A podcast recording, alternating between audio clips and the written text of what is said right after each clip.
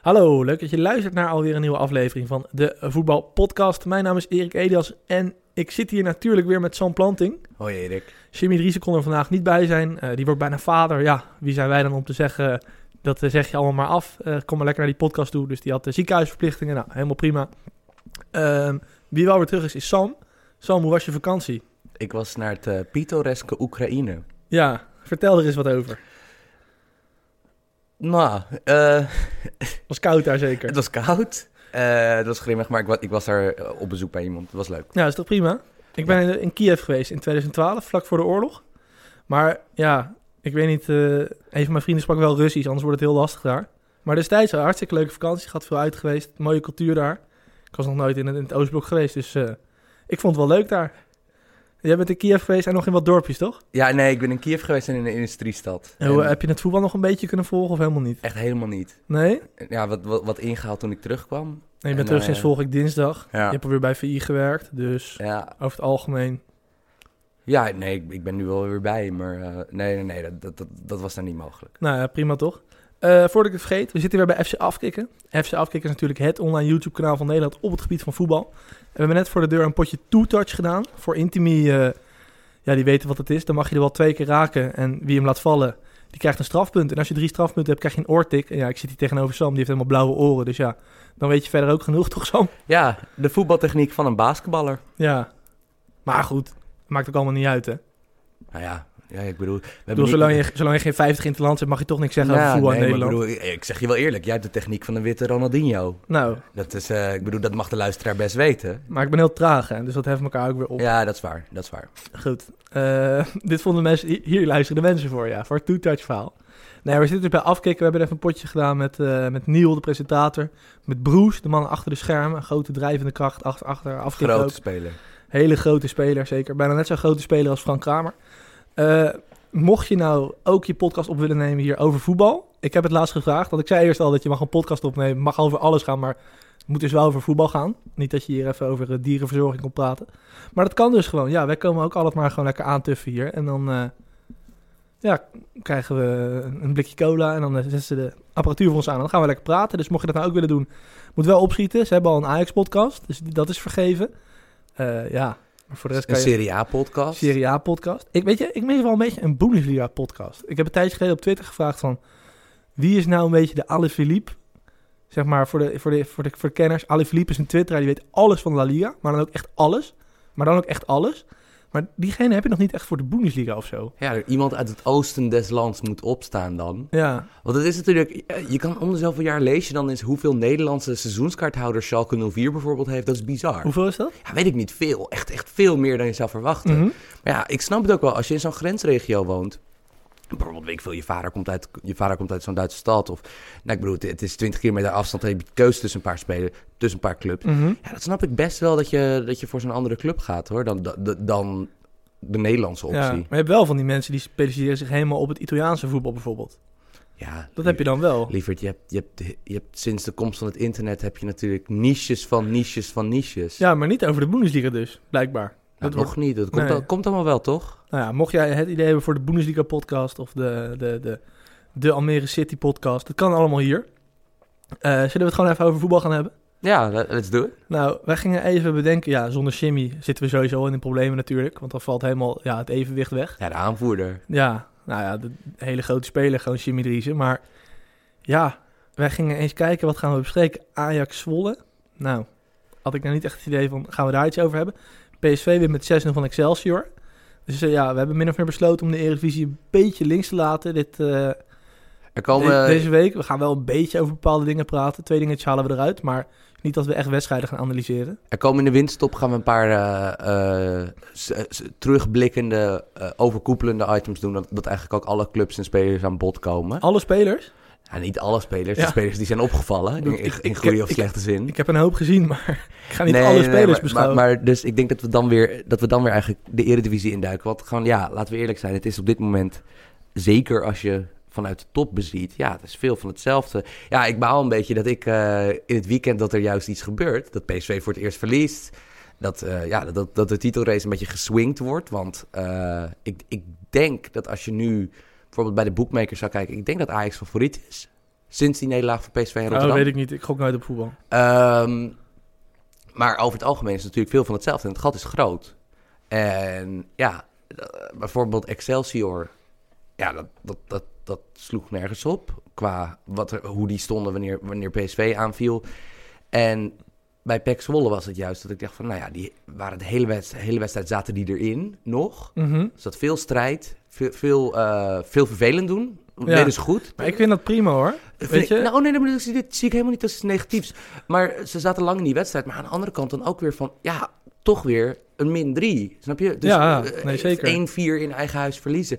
Van die, het gat is groot. Daarnaast is Feyenoord ook... eh, nou ja, sinds ongeveer een speelronde of 8, 9 geleden... hebben die het ook wel weer een beetje op de rit. En ook die... Ja, hebben toch vaak een Nou, makkelijke die doen middag. het qua punten echt prima hoor. Zeker. En ehm, Ze hebben de meeste expected goals gecreëerd tegen Emmen van alle wedstrijden, alle Eredivisie-wedstrijden dit jaar. Eh, volgens sommige modellen meer dan 6, volgens andere modellen meer dan 5,5.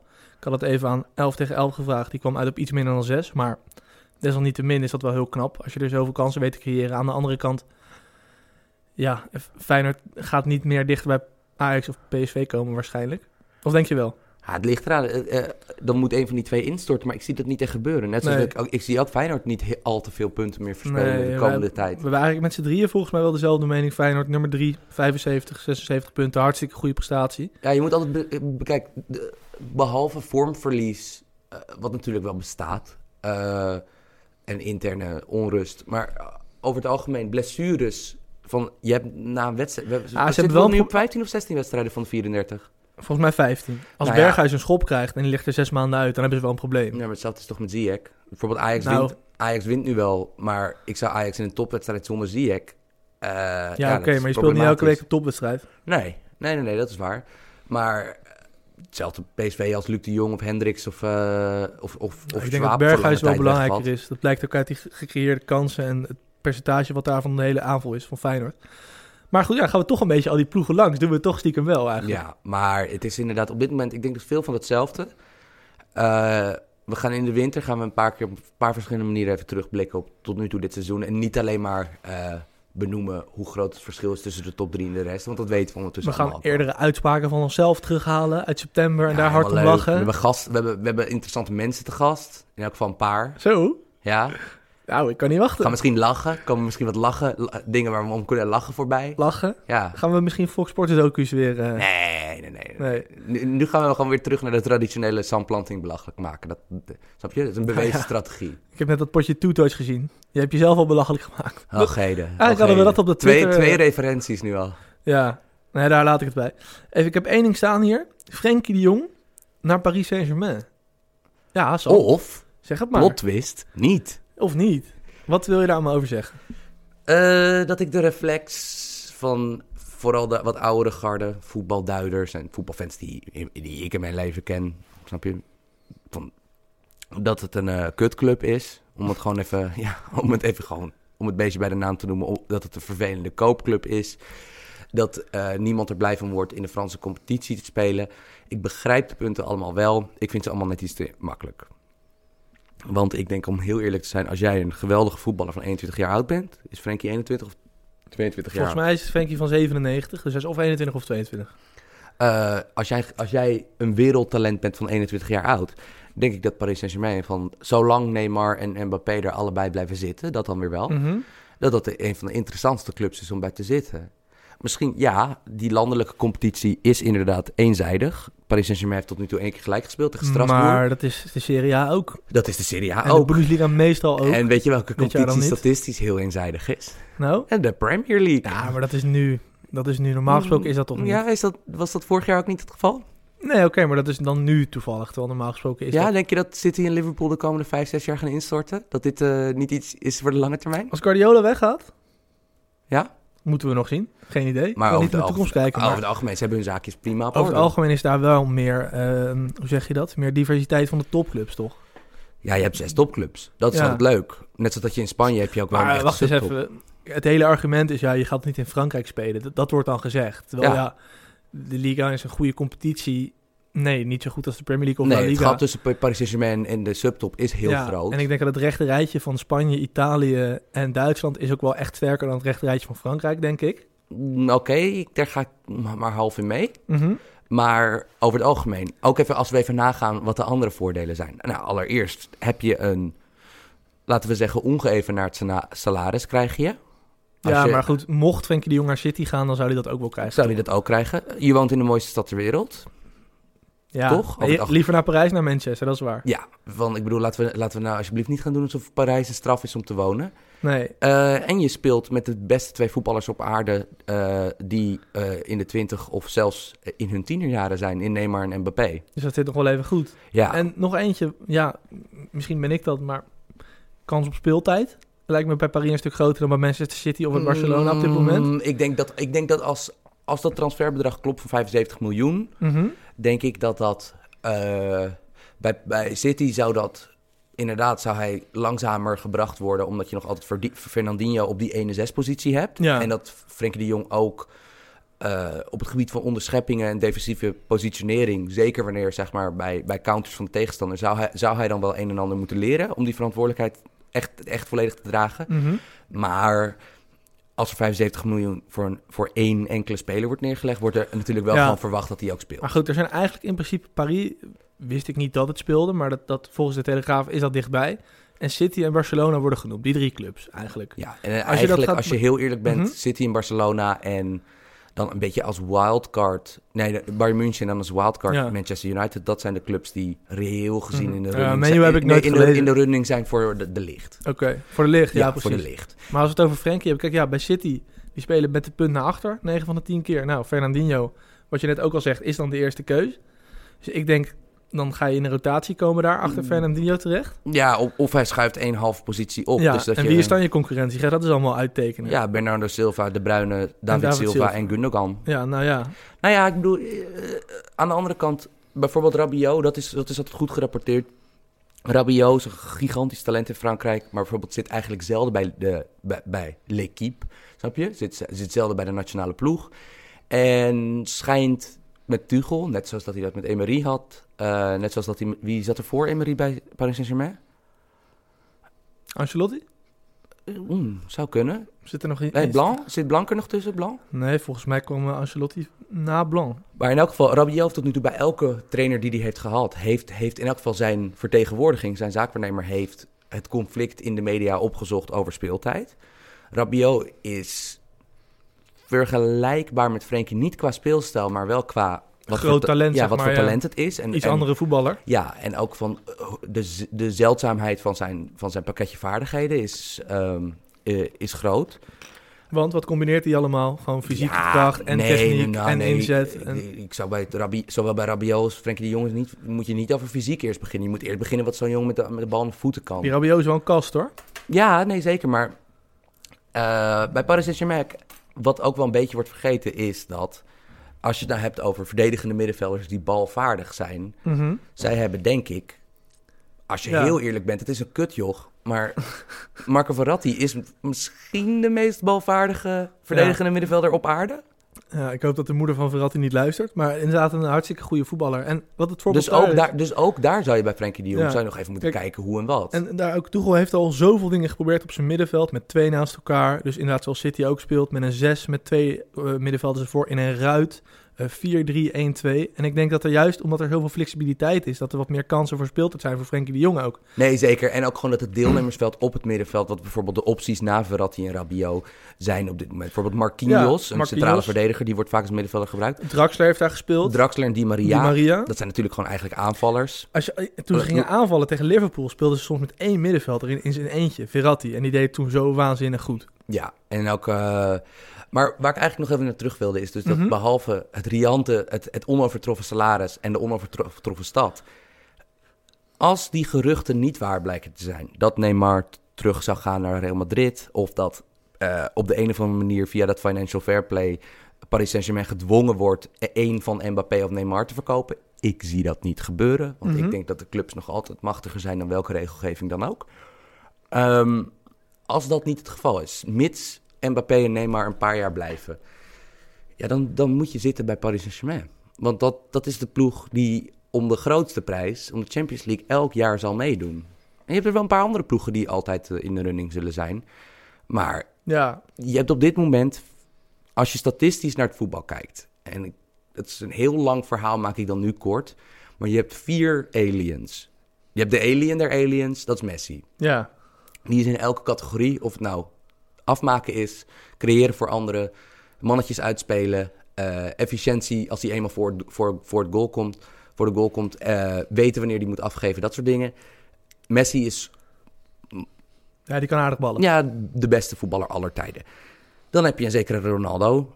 Die is ook altijd nog eigenlijk ongeëvenaard in hoe, produ- Ja. hoe productief hij is. En Neymar, en wie is de vierde? Ja, wat, wie denk je? Mbappé, Ja, en Ja. hoe oud is die? 19. En die is 19 jaar oud. Ja, En eh, eh, we vergeten ook wel eens, Neymar is ook helemaal niet oud, hè? Hij is mid, 25? ja, hij is mid 20. 25 of Ja, 26? weet ik niet, maar Ja. dat maakt niet uit. Nee, je maakt tekening uit. En Neymar, bij Neymar wordt het zo vaak, gaat het over zijn aanstellerigheid. Gaat het over zijn, ego, zijn egocentrisme, zijn doorrollen naar overtredingen, zijn schwalbes, zijn extravagante, snap je? Zijn Ruzie zoeken extravagante- met Kuipers.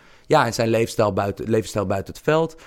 En we vergeten wel eens dat dit zeg maar een unieke voetballer is. Dus jij zegt eigenlijk dat op de lange termijn Paris misschien wel de meeste st- eh, stukjes in handen heeft om gewoon de beste ploeg ter wereld Nou ja, te worden. nu en dat ze maar één nadeel hebben dat ze in een competitie spelen waar ze niet week, we- week in week uit tegen de allerbeste weerstand spelen. Ja, want als je kijkt wat er rondom die sterren gebeurt. Dat Ja. bijvoorbeeld, ze hebben met Tuchel hebben ze nu nou ja, zo'n echte top 10 trainer. Gewoon een echt tacticus. En ook, eh, snap je, een, een, een man die volgens mij redelijk goed om, overweg kan met spelers. Het, waren tot nu toe, het was een bestuursconflict bij Dortmund, wat hem daar, daar zijn baan Ja, kostte. bij Dortmund waren er wel spelers die zeiden hij is te serieus en Ja, ik kan niet maar- met hem lachen en zo. Was bijvoorbeeld Mats Hummels een van de Ja, jongens? Mats Hummels, ja, bijvoorbeeld. Die, die is natuurlijk, en die heeft bij, bij Bayern München heeft hij ook al drie trainers eh, Ja. afgekraakt. Ehm, als je kijkt wat Paris Saint-Germain... En dat is natuurlijk allemaal... We moeten ze ook niet te veel veren in de reet steken. Want het is natuurlijk een oneindig rijke ploeg. Maar ze- zijn echt aan het bouwen aan de toekomst. Ze hebben bijvoorbeeld nu daar achterin met Marquinhos en Kehrer en Kim Pembe... hebben ze drie ja, jongens die eigenlijk nu al wereldtop zijn... of dat zullen worden... die allemaal nog zeg maar hun beste jaren voor zich hebben. Verratti is ook nog relatief jong. Eh Meunier gaat ook nog een hele tijd mee. Ja. Eh, snap je, je hebt, je hebt een ploeg die eh, op heel veel plekken nog heel lang heel goed zal zijn. En ja, ik, in dat opzicht snap ik Frenkie de Jong wel. En ook, als je ook even daarover nadenkt, dat Frenkie de Jong moet natuurlijk naar finesse ploeg. Nu zijn de drie ploegen die voor hem in de running zijn, Barça, City en Paris Saint-Germain, zijn finesse ploegen.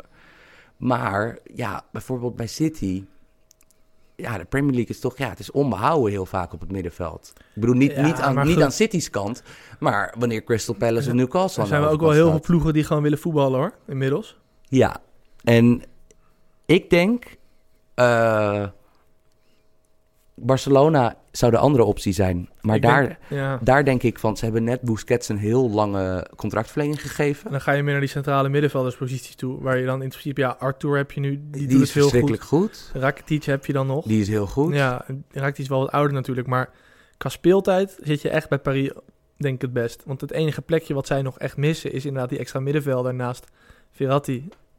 Ja, en, nee, en daarnaast is het inderdaad, ja...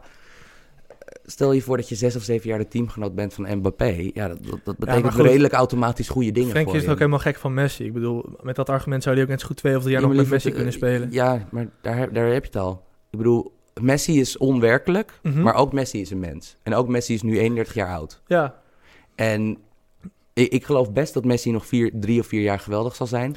Maar als je het echt hebt, over de lange termijn... hij zet eigenlijk lange termijn meeste kans om altijd om de Champions League mee te doen, Paris Saint-Germain. Zolang, zolang er geen rare fratsen rondom Neymar plaatsvinden... en dat is natuurlijk een heel erg grote maar... Mhm. is dat inderdaad wel een beetje het Ja. geval. Ja, ik word ook soms wel een beetje kniftig als er wel wordt gezegd, ja, Paris is een koopclub. Ja, weet je, Welke club, welke geld- club in de top niet? Voor hoeveel geld heeft Guardiola dat team eh, samengesteld? Voor hoeveel geld heeft eh, Barcelona spelers gehaald? Hoeveel geld betaalt Barcelona aan Messi om hem daar te houden? Ik bedoel, als je de top wil spelen, moet je veel geld uitgeven, punt. En elke club zou je nu kunnen bestempelen als een, als een koopclub. Ja, behalve Atletiek de Bilbao. Die leiden alleen maar spelers op. Toch? Ja. Ja, ja en anders gaat het gewoon om mega bedragen. Zelfs bij Ajax al. Ik bedoel, als je daarover gaat nadenken. Maar Ja. goed, wel leuk dat er weer een speler is. Kijk, we hebben nu Robben natuurlijk bij Bayern München. Die gaat weg. Eigenlijk is dat de laatste vertegenwoordiger van Nederland in de absolute Europese top. Nee. Wie dan? Virgil van Dijk. Ja, oké. Ja, ja, ben ik met je eens. En ook Memphis Depay is natuurlijk speelt de, de- Lyon is de definitie van Ja, kijk, Europese Ik zit, subtop. ik zit altijd met die drie clubs in mijn hoofd. Bayern München, Barcelona en eh, Real Madrid. Omdat die al die Champions Leagues hebben gewonnen. Maar inderdaad, clubs als Liverpool en, en die horen daar ook wel bij. Manchester City natuurlijk, Paris Saint-Germain.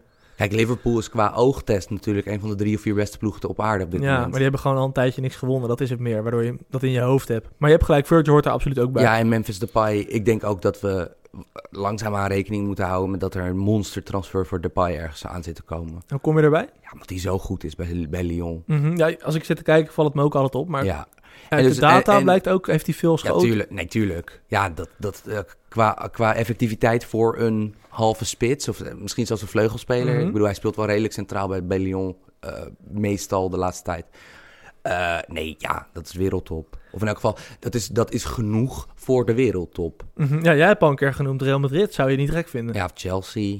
Dat, Chelsea als spits met Hazard zou ook lekker zijn, hè? Ja, ik bedoel, er, er zijn heel veel opties. En ik vind dat de kans zit er heel erg dik in dat over een jaar dat we er vier hebben die in de absolute wereldtop een belangrijke positie hebben in hun En team. dan zeg je Depay, Virgil, Frenkie en Matthijs de Ligt. Ja. Ja.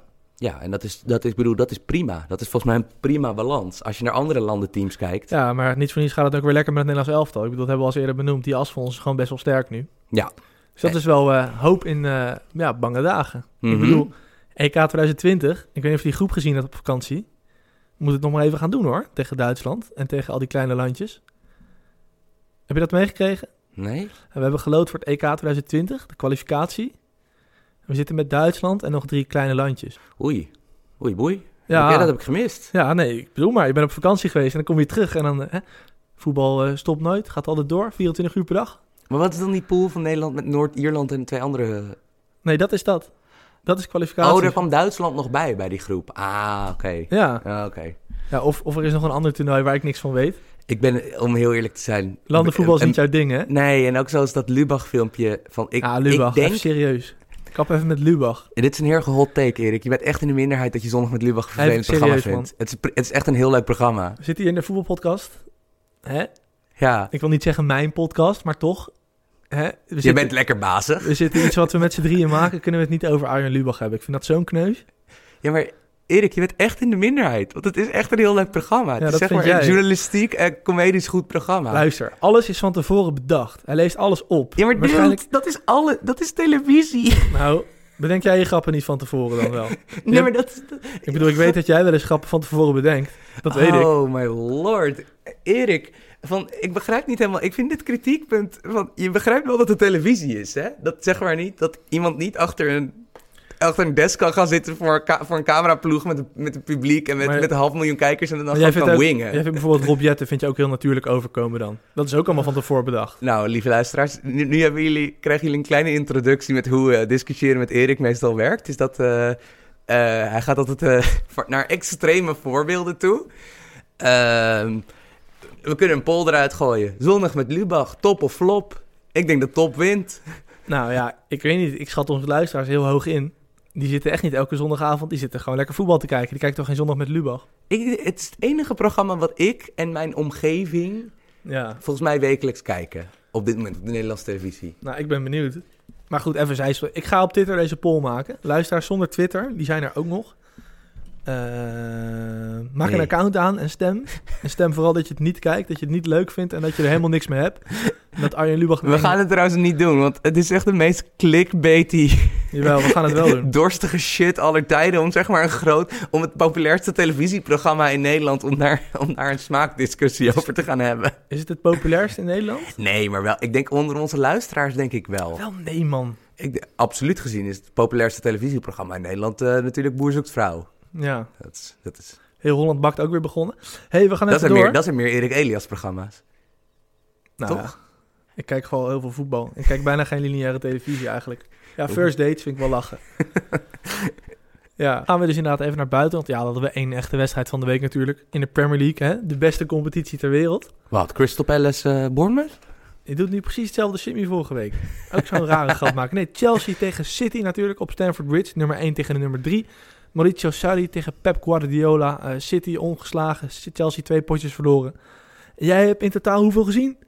Ik heb, eh, het stond bij mij aan op de achtergrond. Want eh, ik, ik- om heel veel gewoon een kijkje achter de schermen te geven.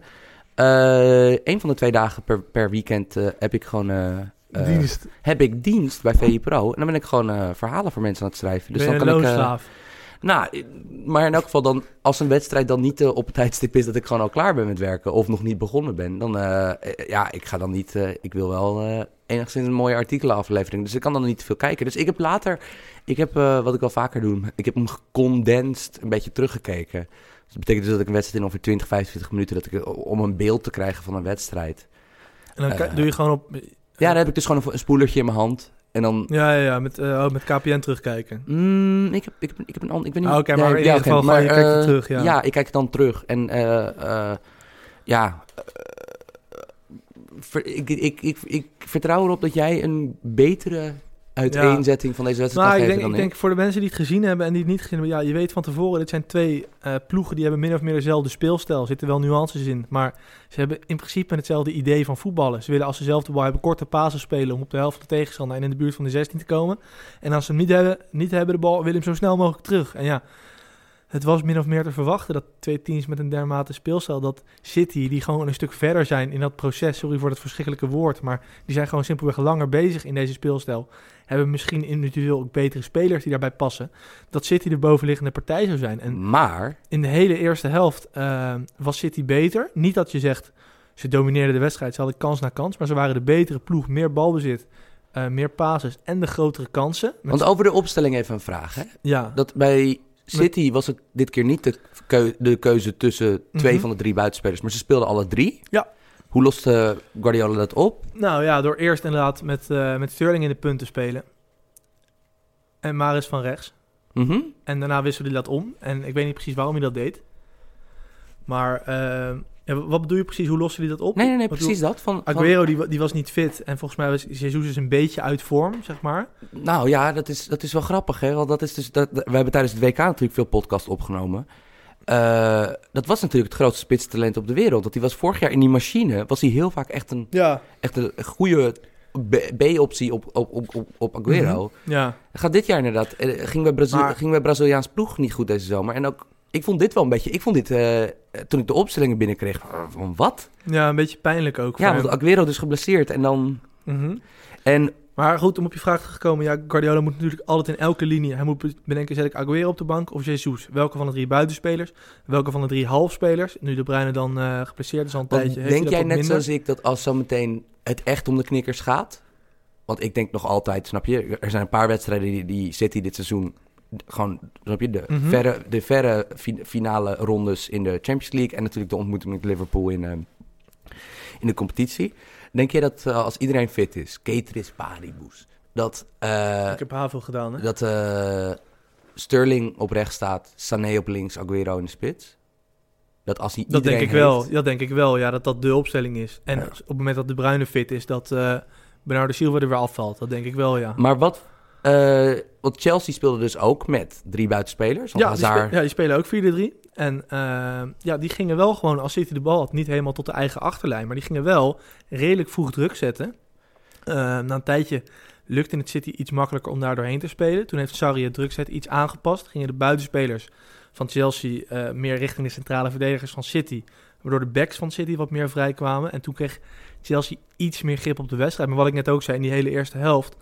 Als je de blessuretijd niet meerekent, heeft Chelsea geen schot op goal gehad. Maar werkte... En, en, en werkte... wacht even. En eh, wat ik dus nog wil zeggen, van, in principe Sterling of Sané, die hadden kansen. En ik denk dat meestal een van die twee ballen er ook in gaat. En als je zegt van ja, werkte het? Nou nee. City speelde Chelsea niet weg, maar Chelsea had ook heel weinig grip op de wedstrijd. Want het, maar het is niet per se de aanpassingen voorin bij beide ploegen. Dus dat Hazard de spits was bij Chelsea en Mhm. Sterling de spits was Nee. bij City. Nee, was, het ook niet zo, was het ook niet zo dat ze... Bijvoorbeeld Hazard kwam redelijk vaak het middenveld in. Ja, Maar Sterling bleef redelijk hoog. Ja, precies. Die bleef Kijk, eigenlijk gewoon... het is was geen valse spits, Het toch? is heel speelde hip. spits. het is heel hip om te zeggen als er een kleine buitenspeler als spits staat, dat te zeggen ja, het is een valse negen. Hij liet zich terugvallen, maar dat deed Sterling eigenlijk nauwelijks. Die speelde gewoon als een traditionele spits van eh 1,70. Zoals je die vroeger ook had met een Michael Owen bijvoorbeeld. En ja, vond jij, de, ik bedoel, je hebt dan de condensed version gezicht, eh, gezien, zeg je zelf. Vond jij dat dat heel veel uitmaakte? Ik vond het met name op middenveld. Nee, maar daarom vroeg ik het. Omdat ik vond, Ja. namelijk- ik vond, het, niet zo, ik vond het niet zoveel verschillen. Nee.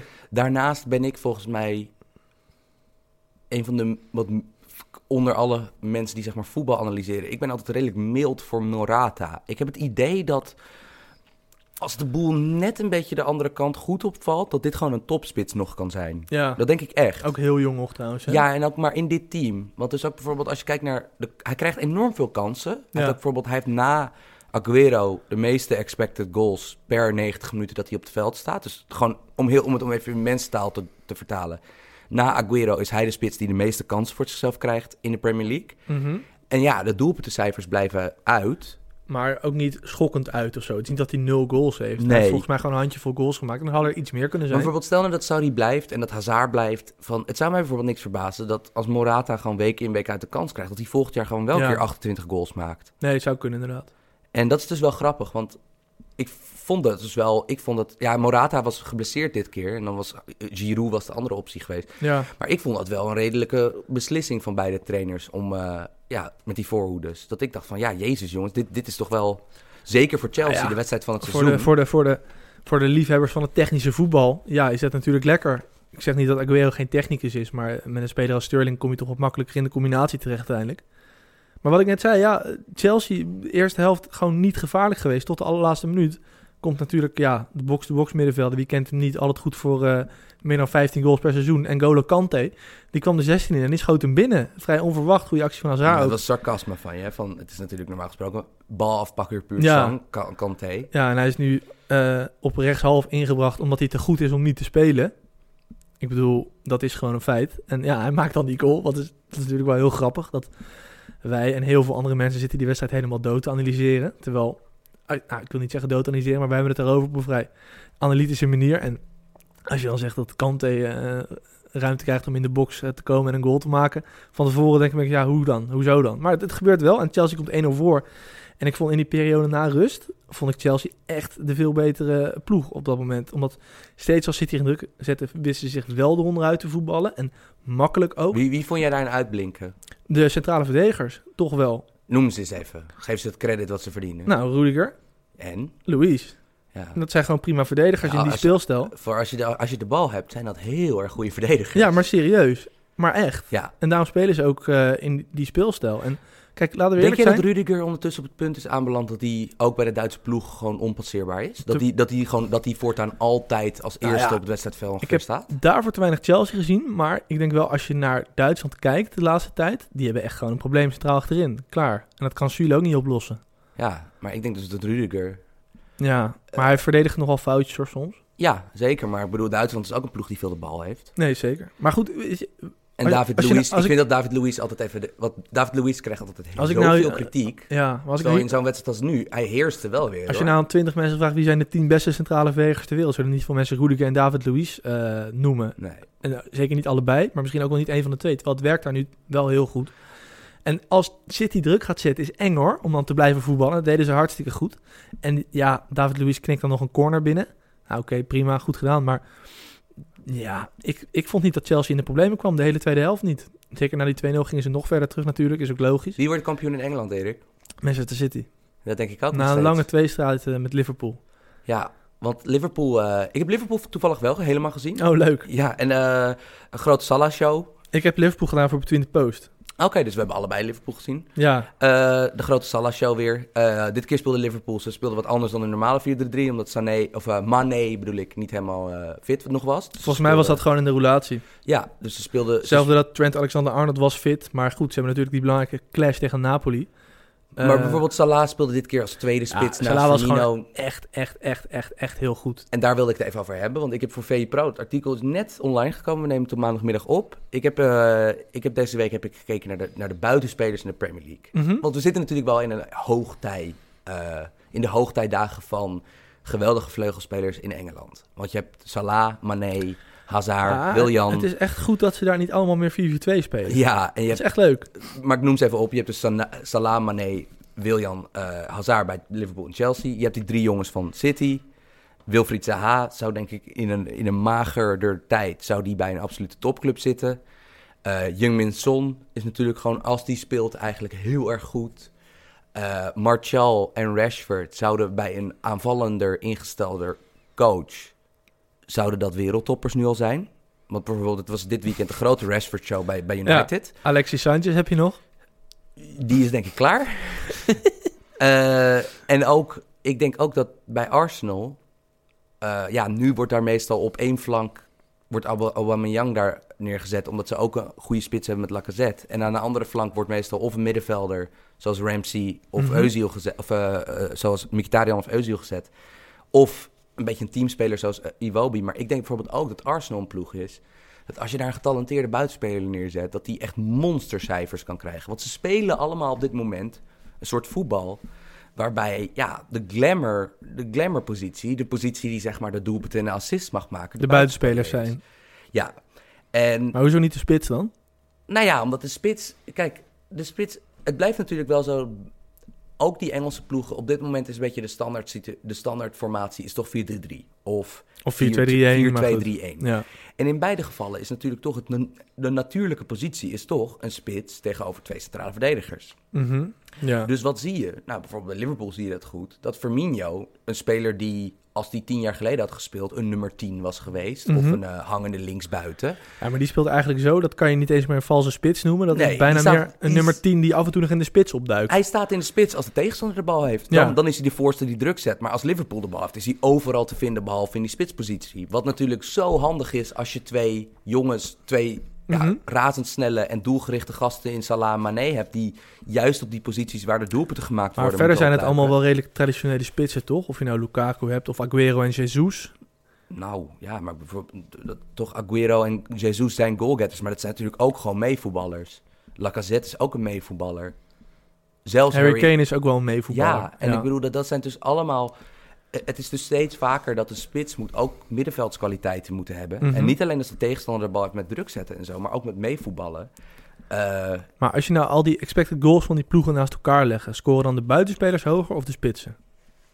nou ja, meestal eh, spitsen hebben natuurlijk een beetje... Ik vind in dat geval is expected goals niet de zaligmakende statistiek. Want spitsen hebben natuurlijk heel vaak krijgen ze de makkelijkste kansen. Mhm, De intikker, ja. de penalty, noem ze allemaal maar op. De rebound. De rebound, die zal natuurlijk eerder voor een centrumspits vallen dan voor een buitenspeler. Maar qua absolute productie zie je heel veel teams waar de buitenspelers eh, ja, de sterren zijn. En Ja. nou ja, daarnaast is er dan ook altijd nog de discussie: is Salah bijvoorbeeld nog een buitenspeler? Datzelfde kon je vragen bij Ronaldo bij Real Madrid. Ja. Van, noem je dat nog een Als buitenspeler? je Hazard normaal gesproken ziet spelen, die speelt ook bijna als een soort tweede tien in balbezit. Precies. Eh, Messi bij, bij, als Barcelona, als Messi op rechtsbuiten papier staat, is dat ook niet per se. Dan zie je hem ook nooit op die flank. Dus jij zegt eigenlijk dat het voetbal zo aan het evolueren is. Posities bestaan bijna niet meer. Nou, nee, want ik denk dat is. Ik denk dat een. Ik, dat heb ik ook volgens mij in de eerste regel van het VI Pro-stuk heb ik dat opgeschreven. Van in een tijdperk dat een traditionele nummer 10 niet meer bestaat. Snap je, de Riquelme, Mhm. die, die, die, die, die speelt bijna niet meer. Pastoor is een beetje de laatste van ja, de soort. ja, en dan zie je ook al dat het misschien al niet meer kan. de wandelende Erik Elias-achtige technicus achter de spits. Ja, Luilakken. die, die, daar- daar is bijna geen rol meer voor. En daarnaast is inderdaad, nou ja, zoals Pieter Zwart al heel vaak in zijn artikelen mooi heeft beschreven, er is, er is wat minder ruimte voor de verre voorzet, de verre hoge voorzet.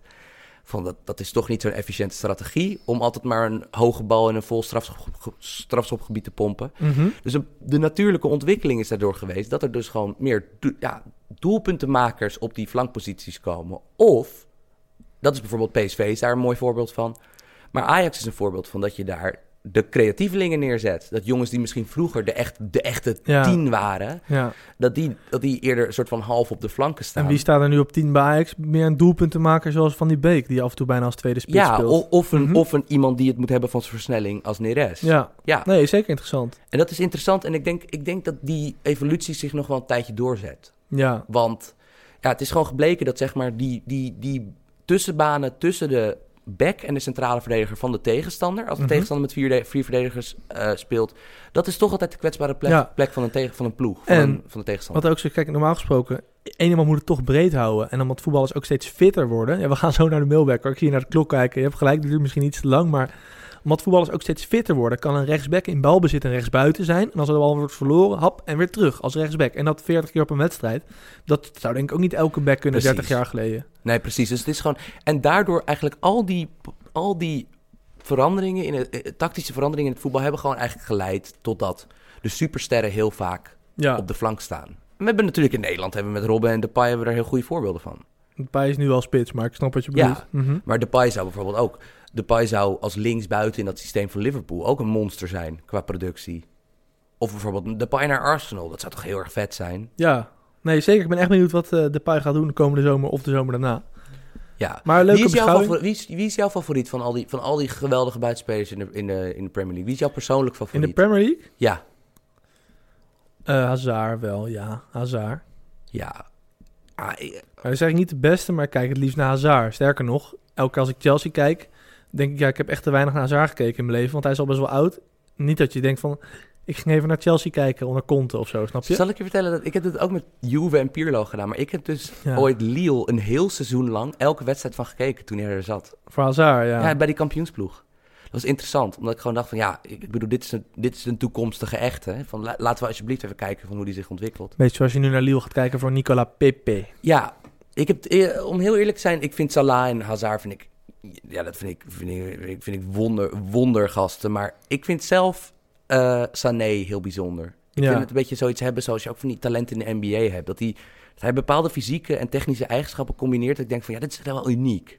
Van, en en we, kregen, we kregen laatst bij Nederland-Duitsland een heel goede show daarvan. Van wat zo'n Sané kan. Van dat het zoveel kopzorg kan bezorgen bij, bij, Ja. bij tegenstanders. Ja, zeker als je Denzel Dumfries heet. Eh, zullen we even naar de Mailback gaan? Hé, hé, hé, hé, het was Tete in die wedstrijd. Oh, was het eten? Het was Oké, Tete. Goeie. Ja. Goeie aanvulling van jou.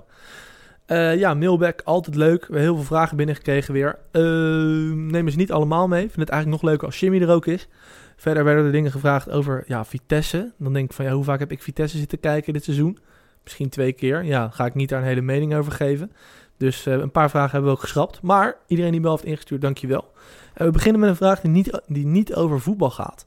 Wouter Holsappel. Zullen we deze als laatste? Deze bewaren we als toetje. Laten, we, Nou, eerst, laten we eerst een We voetbalvraag hebben een doen. hele leuke vraag als toetje over een bepaalde commentator. Oh, dat is waar. Nee, oké, let's do it. Oké. Wouter Holsappel, bekend van OogTV, de regionale omroep van Ja, de, Groningen. de, de grote vriend van Mimoun Mahi, hè, ondertussen. Ja, vindt Sam kerst ook zo leuk? Ja, Sam, top, leg man. uit waar deze vraag vandaan komt. Ik had laatst, eh, ik was klaar met werken. Ik zat op Twitter. Ja, ik vind dat ondanks, eh, ondanks de vele valkuilen van het medium en ondanks dat we bijvoorbeeld, ik, ik denk nog altijd dat we Donald Trump te danken hebben aan Twitter. Is, kan het ook leuk zijn bij tijden. En gewoon, soms moet je gewoon even een, eh, een bizarre mening er doorheen gooien. Kijken of je wat bijval kreeg. En ik vond dat ik bijval kreeg. Mijn mening is dat kerst echt het meest overschatte feest op aarde is. En dat ik, ik vind gewoon over het algemeen dat mensen het als een vrijbrief zien om een heel raar soort nepgezelligheid en nepchicheid uit te stralen. Nep chic ook. Ja, waar, waar Oké. ik helemaal niet goed van word. Maar komt het dan niet gewoon... Ja, ik weet niet. Kijk, ja, eh, misschien een beetje raar om te zeggen, maar mijn ouders zijn gescheiden. Ik vier het eh, met mijn moeders familie en met mijn vaders familie. Dat vind ik best wel gezellig en leuk. En mocht ik zeggen van ik heb geen zin en dat komt niet, zou dat geaccepteerd worden. Het is bij ons niet geforceerd gezellig, maar het is gewoon echt gezellig. Was het bij jullie altijd gewoon eh, niet leuk of zo? Nee joh, ik kom uit een heel leuk gezin. maar, wat dan? Ja, ik denk allereerst, ik zeg, als, we, als we een beetje Freudiaans gaan doen. Ik, ik kom uit het Sinterklaasgezin. Ja, mijn, ja. mijn ouders zijn beide schrijver. eh, allebei, snap je, mensen met een goed gevoel voor humor. Dus bij ons is Ja, dat... mijn ouders niet. Die hebben allebei geen gevoel voor humor. Jawel, eh, kom op. En eh, dus het was bij ons altijd traditie om elkaar gewoon compleet af te maken in die gedichten met surprises. Nou, toevallig gisteren Sinterklaas gevierd. Het was weer allemaal heel erg leuk. Eh, En voor jou is kerst dan een soort toetje wat niet meer hoeft of nou, zo? nee, want kijk, ik vind kerst heel erg. Ik vind het natuurlijk, ik vind het zoals iedereen enorm leuk om met mijn familie of met jou of met mijn vrienden. Of ja, jij bent een van mijn vrienden. Om, om, geweldig, om geweldig dronken te worden en gewoon eh, veel te veel te eten. Natuurlijk is dat leuk. Maar ik vind de sfeer die we, zeg maar, die Amerikaanse Hallmark-kaartachtige sfeer die we aan kerst hebben gebonden. Ja, Ja, dat vind ik gewoon heel maar griezelig. wacht even, die neem ik dus totaal niet waar. Niet bij mij thuis of zo, ook niet in de Ja, samenleving. maar jij bent cool. Maar over het algemeen, ik heb het over het algemeen. En, Ja, en ja. daarnaast, ik wil niet gewoon. Ja, het is natuurlijk het feest van winkels en bedrijven. Ja, het is wel een commercieel, er zit wel een commercieel tintje aan. Ja, zeg maar, en ook, maar dan vind ik het dus zo grappig dat de algemene elementen die in elke kerstcommercial of elk kerst, snap je, bedrijfsfeestje voor kerst terugkomen, het zijn wel een beetje de creepy elementen. Kijk, ik heb wel medelijden met mensen die bijvoorbeeld met hun hele familie moeten gaan zitten. Waarvan ze, dat, nou, stel dat zijn tien mensen, dat vinden ze er zeven niet aardig. En, Ja. en dat je dan eh, nog, hè, ja, dat het dan stilvalt. En goh, zit je nog op voetbal? Ja, ik zit nog op voetbal. Ja, misschien zijn er nu mensen die dat herkennen van de komende tijd. Mocht dat bij jou thuis zo zijn, veel sterkte, zeg ik aan alle luisteraars. Maar ja, dan denk ik ook van, joh, stuur gewoon een berichtje, kom dit jaar niet. Ja, het enige wat kerst voor Kan mij... toch prima? Het enige wat, wat kerst voor mij Ja, laatste zin hoor, dan gaan we echt door. is dat zowel het Engels voetbal, Ja, dat is top. het NBA basketbal en het college American voetbal... Mhm. Dat, dat zijn sporten die juist zeg maar enorm pieken tijdens de kerstdagen. Die dan altijd zeg maar goede affiches inplannen. Dus dat redt voor jou nog een beetje de Dat kerst. redt nog voor mij een beetje de boel. Want ik vind het voor de rest... Ik heb altijd het idee dat we in een soort van... De natte droom van een heel erg cliché-liefhebber binnenwandelen bij kerst. Ja, I don't know. En als het sneeuwt is iedereen helemaal blij natuurlijk. Ja, ik kom net je uit. Oekraïne waar het min 15 was en alleen maar bruine sneeuw. Nou, dan, eh, dan, Bruine ben je, sneeuw. Ja, dan ben je ook wel klaar met sneeuw. Volgende vraag doen. Volgende vraag. Over voetbal, gelukkig. Le tacticien. Welke spelregel moet zo snel mogelijk aan of uit het voetbal worden toegevoegd slash verwijderd? Ja, voor mij is er maar eentje, dat is doorwisselen. Daar los je een paar dingen mee op. Clubs hebben dan minder grote selecties nodig. Waardoor eh, niet alle talent zo erg wordt geconcentreerd als nu bij een paar clubs. Omdat ja, als je door mag wisselen, eh, kan je gewoon alle minuten verspreiden over 16, 17 man. Nou, zullen echte grote clubs zullen dan misschien nog een paar extra spelers kopen voor de leuk. Maar toch levert dat meer speeltijd op. Daarnaast Dus gewoon... wacht even, even een paar praktische vragen. Want ik, ik, heb, ik heb jou serieus nog nooit echt dit...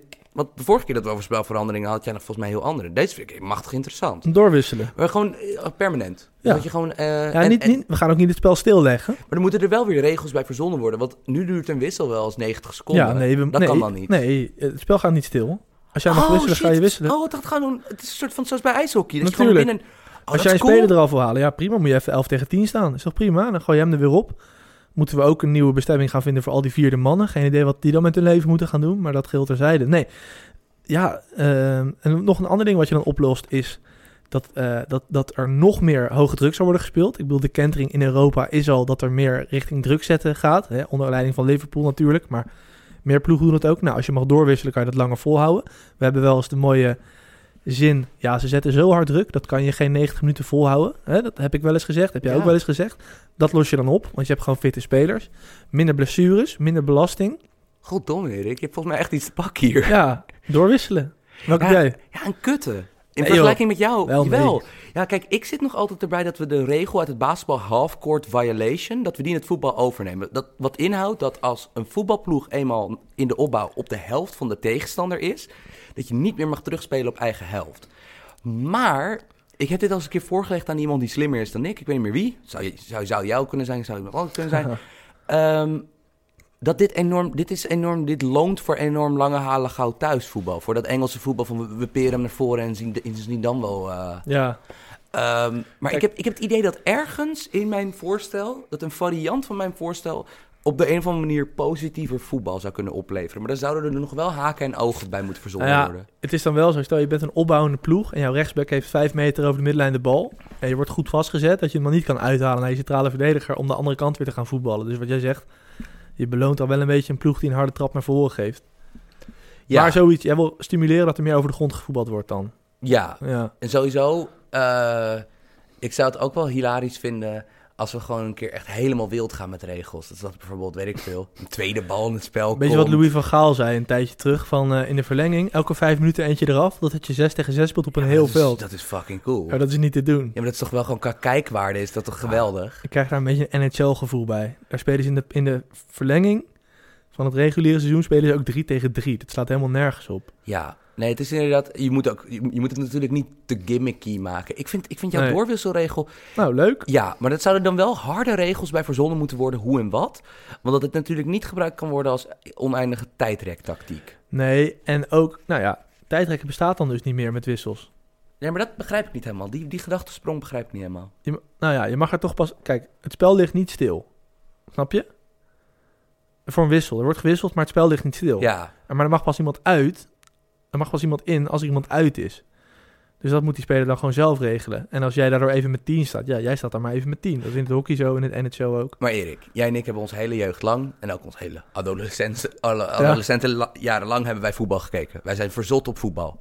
Ja, Wij weten dat voetbal een wereld is waarin als er vals gespeeld kan worden, Ja. er vals gespeeld wordt. ja, ik snap wat je bedoelt. Iemand gaat waarschijnlijk wel weer iets erop verzinnen. Ja, Nou, laat maar weten, luisteraars. Ik ben benieuwd. Wat zijn de nadelen van, eh, van doorwisselen? Ja. Als je ze kan bedenken, de voetbalpodcast.gmail.com. Ik ben echt onder de indruk, Ellie. Het. Dankjewel. Dankjewel. Nou, het is wat. Volgende vraag is van Galit. Jullie hebben zeker de Instagram story van Raheem Sterling meegekregen. Wat denken jullie ervan? Hij kreeg uiteraard veel steun uit het voetbalwereldje. Jij hebt Jij- Instagram, hè? Dus Ja, maar jij bent, jij bent de Instagram bro- boy van ons tweeën. Jawel. Dat nu denken de mensen dat ik zo'n profiel heb met allemaal foto's zonder shirt en zo. Ja, maar bijvoorbeeld jij weet hoe je filmpjes kan plaatsen. Dat weet ik nog ineens, man. Weet Jimmy ook wel hoor. Oké. Maar vertel, ver- volgens Nou, mij, kijk- ik heb het nieuwsverhaal wel meegekregen, maar niet het Instagram be- Ik volg Raheem Sterling niet op Instagram, maar wat hij volgens mij heeft geplaatst is gewoon een paar feiten dat hij als donkere speler, is wel een heel serieus onderwerp dit, eh, dus even kappen met het lachen, dat hij als dondere, donkere speler anders behandeld wordt in de media dan blanke spelers. En dat heeft hij gewoon een keer benoemd. En er zijn bepaalde kranten in Engeland die ook echt aantoonbaar hem echt opzoeken. Daily Mail en The Sun. Bijvoorbeeld als hij een huis koopt voor zijn moeder, dan is het eh, ja, ongelooflijk en hij geeft superveel geld uit en dat kan niet en dergelijke. En de wordt- het zijn de Daily Mail en The Sun. Gewoon, Ja. het, zijn, het zijn bedrijven die een bedrijfsmodel hebben gemaakt van licht, van licht tot middelzwaar racisme. Want dus eigenlijk alles tot en met echt racisme. Want dat, dat doen ze dan, dat doen ze soms ook. Maar dus gewoon altijd op, gewoon dat vreemdelingenhaat een geldmodel is geworden. ja, En of in dit geval, Raheem Sterling is gewoon een, een Engelsman. eh, de haat van mensen met een andere huidskleur dan eh, de, de meest, snap je, dan de, de grootste groep in het land heeft. Ja. ja, ik vind dat heel triest, maar ik denk dat dat een beetje voor zich spreekt. Dat wij allebei denken, ja, dat zijn echt kutkanten. Ja, dat vinden wij allebei. Ja, het is heel simpel. De, Dan hoeven we de, Erik Meijers er niet voorbij te halen. Nee, ja, dat vinden we gewoon. dat, eh, het is heel simpel. De, de, de, de, de groep mensen die niet aan deze, snap je, walgelijke bullshit mee wil doen, die moet gewoon harder te horen zijn dan de groep die het normaal vindt om er altijd eentje uit te plukken. Die een afwijkende religie, snap je? En dan afwijkend met de grootst mogelijke eh, aanhalingstekens, een afwijkende religie of huidskleur hebben.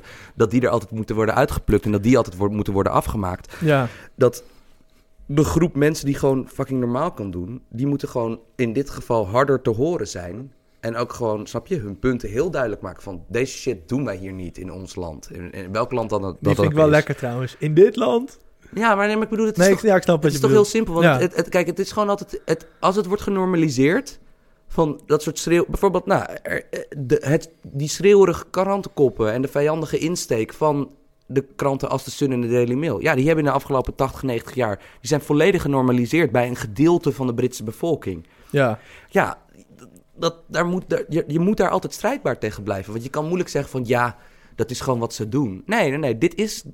Er zijn, er zijn gewoon dingen waar je gewoon ook binnen de sportjournalistiek en of ook binnen de normale maatschappij, waar je gewoon kan, van kan zeggen van ja, shit wil ik niet zien. Van dat wil ik niet. Dat willen we niet. nee. Nou, duidelijk. Ja, Dus en ik vind, het, eh, ik vind Raheem Sterling. eh, ik, vind hem dat, ik vind hem daar redelijk gracieus mee omgaan het afgelopen jaar. Want ik zou.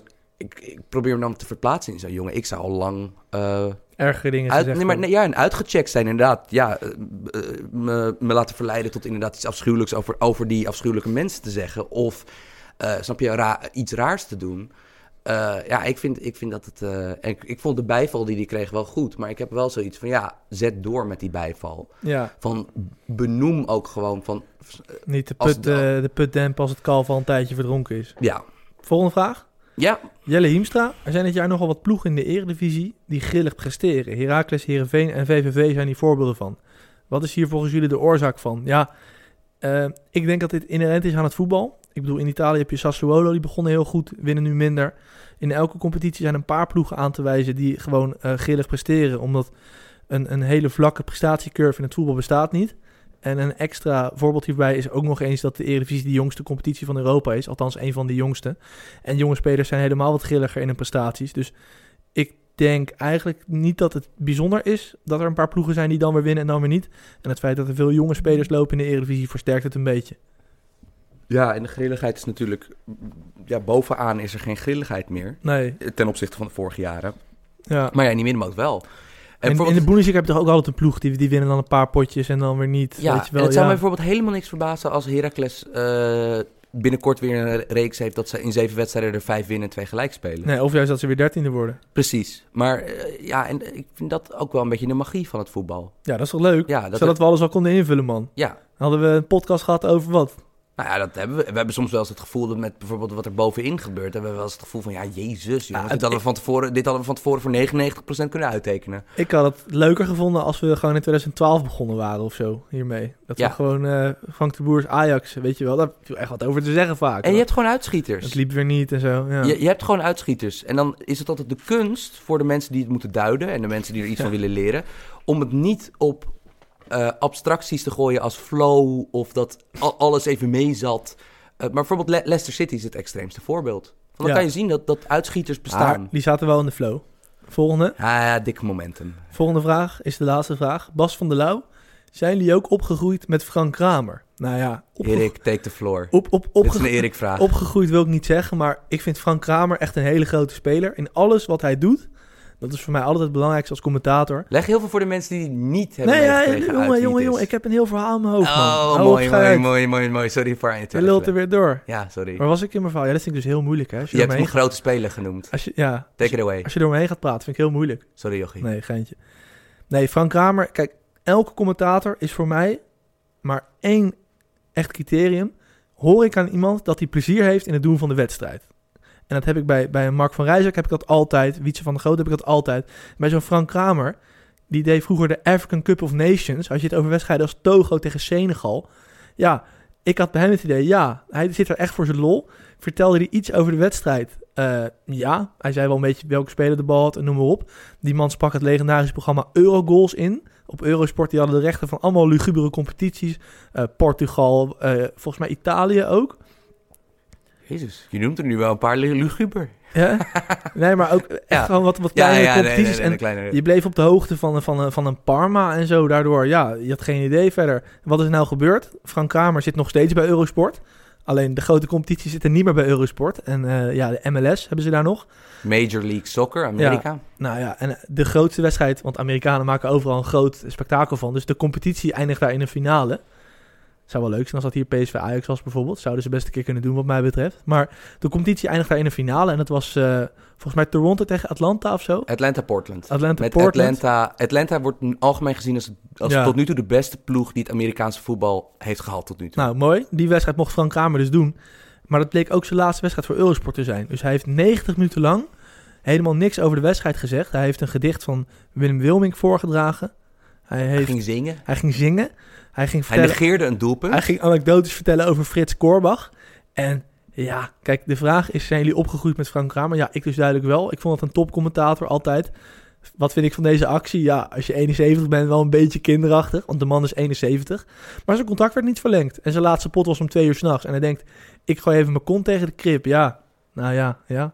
Going out like a G, zoals de jongeren dat zouden noemen. Ja, Ja, het is de ik vraag... vind het wel mooi. Ja, het is aan de ene kant, het is natuurlijk uit humor Maar het is wel een beetje kinderachtig. Het is uit comedisch oogpunt geweldig. Van, dat je let, dit is met opgeheven middelvingers de deur uitgaan. Ja, Vanuit professioneel oogpunt is dit natuurlijk gewoon vrij sneu.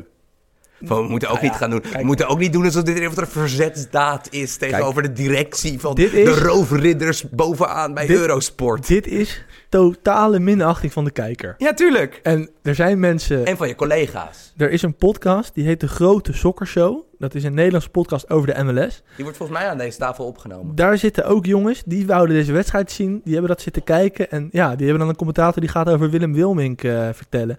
Kijk, het heeft niks te maken met je vak uitoefenen. Dus tweeledig. Ja, ik ben opgegroeid met Frank Kramer. Ik vind dat een baas. Dit vind ik een beetje kinderachtig. Want jij bent een, een Siert-liefhebber, toch? Siert-Vos-liefhebber. Nou, ja, Siert bij Betis tegen Valencia. Bij Ajax in de Champions League hoeft het van mij totaal niet. Maar ik vind het wel grappig als Siert... Kijk, vergis je niet, Siert weet alles, maar niet... Kijk, mensen zeggen altijd, ja, die gaat dan vertellen over restaurants en zo. Nee, Siert weet ook gewoon van de linksback van Betis... eh, waar hij heeft gespeeld, of het daar goed ging, of het daar niet goed ging... of hij een hond heeft, wat dan ook. Het is echt niet zo dat Siert... Nou, Betis Valencia, ga ik even vertellen waar je tapas kan eten. Nee, Siert weet gewoon over La Liga alles. Punt. Alles. En dat vind ik best leuk. Kijk, ik heb niet... Want hij lijkt, maar Siert de Vos lijkt een soort van, een soort van de marketingvriendelijke, of zeg maar de, Ja, ja, de ja. werkbare versie van wat Frank Kramer doet, te hebben gevonden. Toch? Ja, maar wel bij La Liga dus. Bij, La- nee, hij heeft, een, hij heeft een niche voor zichzelf maar hij doet ook die Ajax- wel, wel doet- een niche waar je Barcelona Real Madrid als eh, hij doet voor, Ziggo, per- hij doet voor. Ziggo die Ajax-wedstrijd in de Champions League. Ja, dan gaat het geluid uit. Dan hoeft het van mij echt niet. Oké. Oh, dat vind ik wel grappig. Ja, Frank Kramer, going out with a bang. Zullen we mee kappen? Want eh, anders moet ik terugrijden door de spits. Daar heb ik niet zo heel veel zin in. ja. Dus wacht even, wie, wie is nu eh, wie gaat nu de mantel overnemen van Frank Kramer als gewoon iemand, een complete eigenheimer in de, in de voetbaljournalistiek? Wil jij dit doen, Erik? Nee, tuurlijk niet. Ik ben toch geen commentator, kerel? Nou, Heb ik er Nou. helemaal niet de stem voor? nou, ik weet niet. Als, je, als jij bijvoorbeeld, weet ik veel, jij gaat anekdotes vertellen over iemand en je noemt hem een grote speler. Volgens mij Ja. kan, dat, kan dat best wel aanslaan bij het Nou, publiek, hoor. weet je? Ik hou het in mijn achterhoofd. Oké. Hey, eh, heb jij nog een mooie shout-out voor iemand? Ja, die heb ik, ja. Wil jij eerst? Dan ga ik daarna en dan kappen we ermee. Moeten we niet eerst zeggen bedankt voor het luisteren. Tot volgende week. Top voetbalpodcast. Vijf sterren op iTunes geven zouden we leuk vinden. Want we staan nu op 4,5. Is toch jammer. Ja, is wel een beetje jammer. En daarnaast, de luisteraars weten dat we van ze houden, toch? Nou, ik hoop het. Ik bedoel, ja, ik, ik zit straks weer in de file terug. Ik wilde om kwart over vier terug. Parkeren is al afgelopen. Ja, je kan nu knikken, maar dat is gewoon niet lekker. Ja, je hebt geen rij... Sam heeft geen rijbewijs, dames en heren. Dus die weet niet hoe het is om in de file te rijden. Ja. Nee, ik wil nu echt weg. Dus als je je SO hebt, dan... eh, Ja, ik wacht op jou, lieverd. Nee, ik wacht op jou. Jij moet eerst. SO Harry Redknapp. SO van Kramer.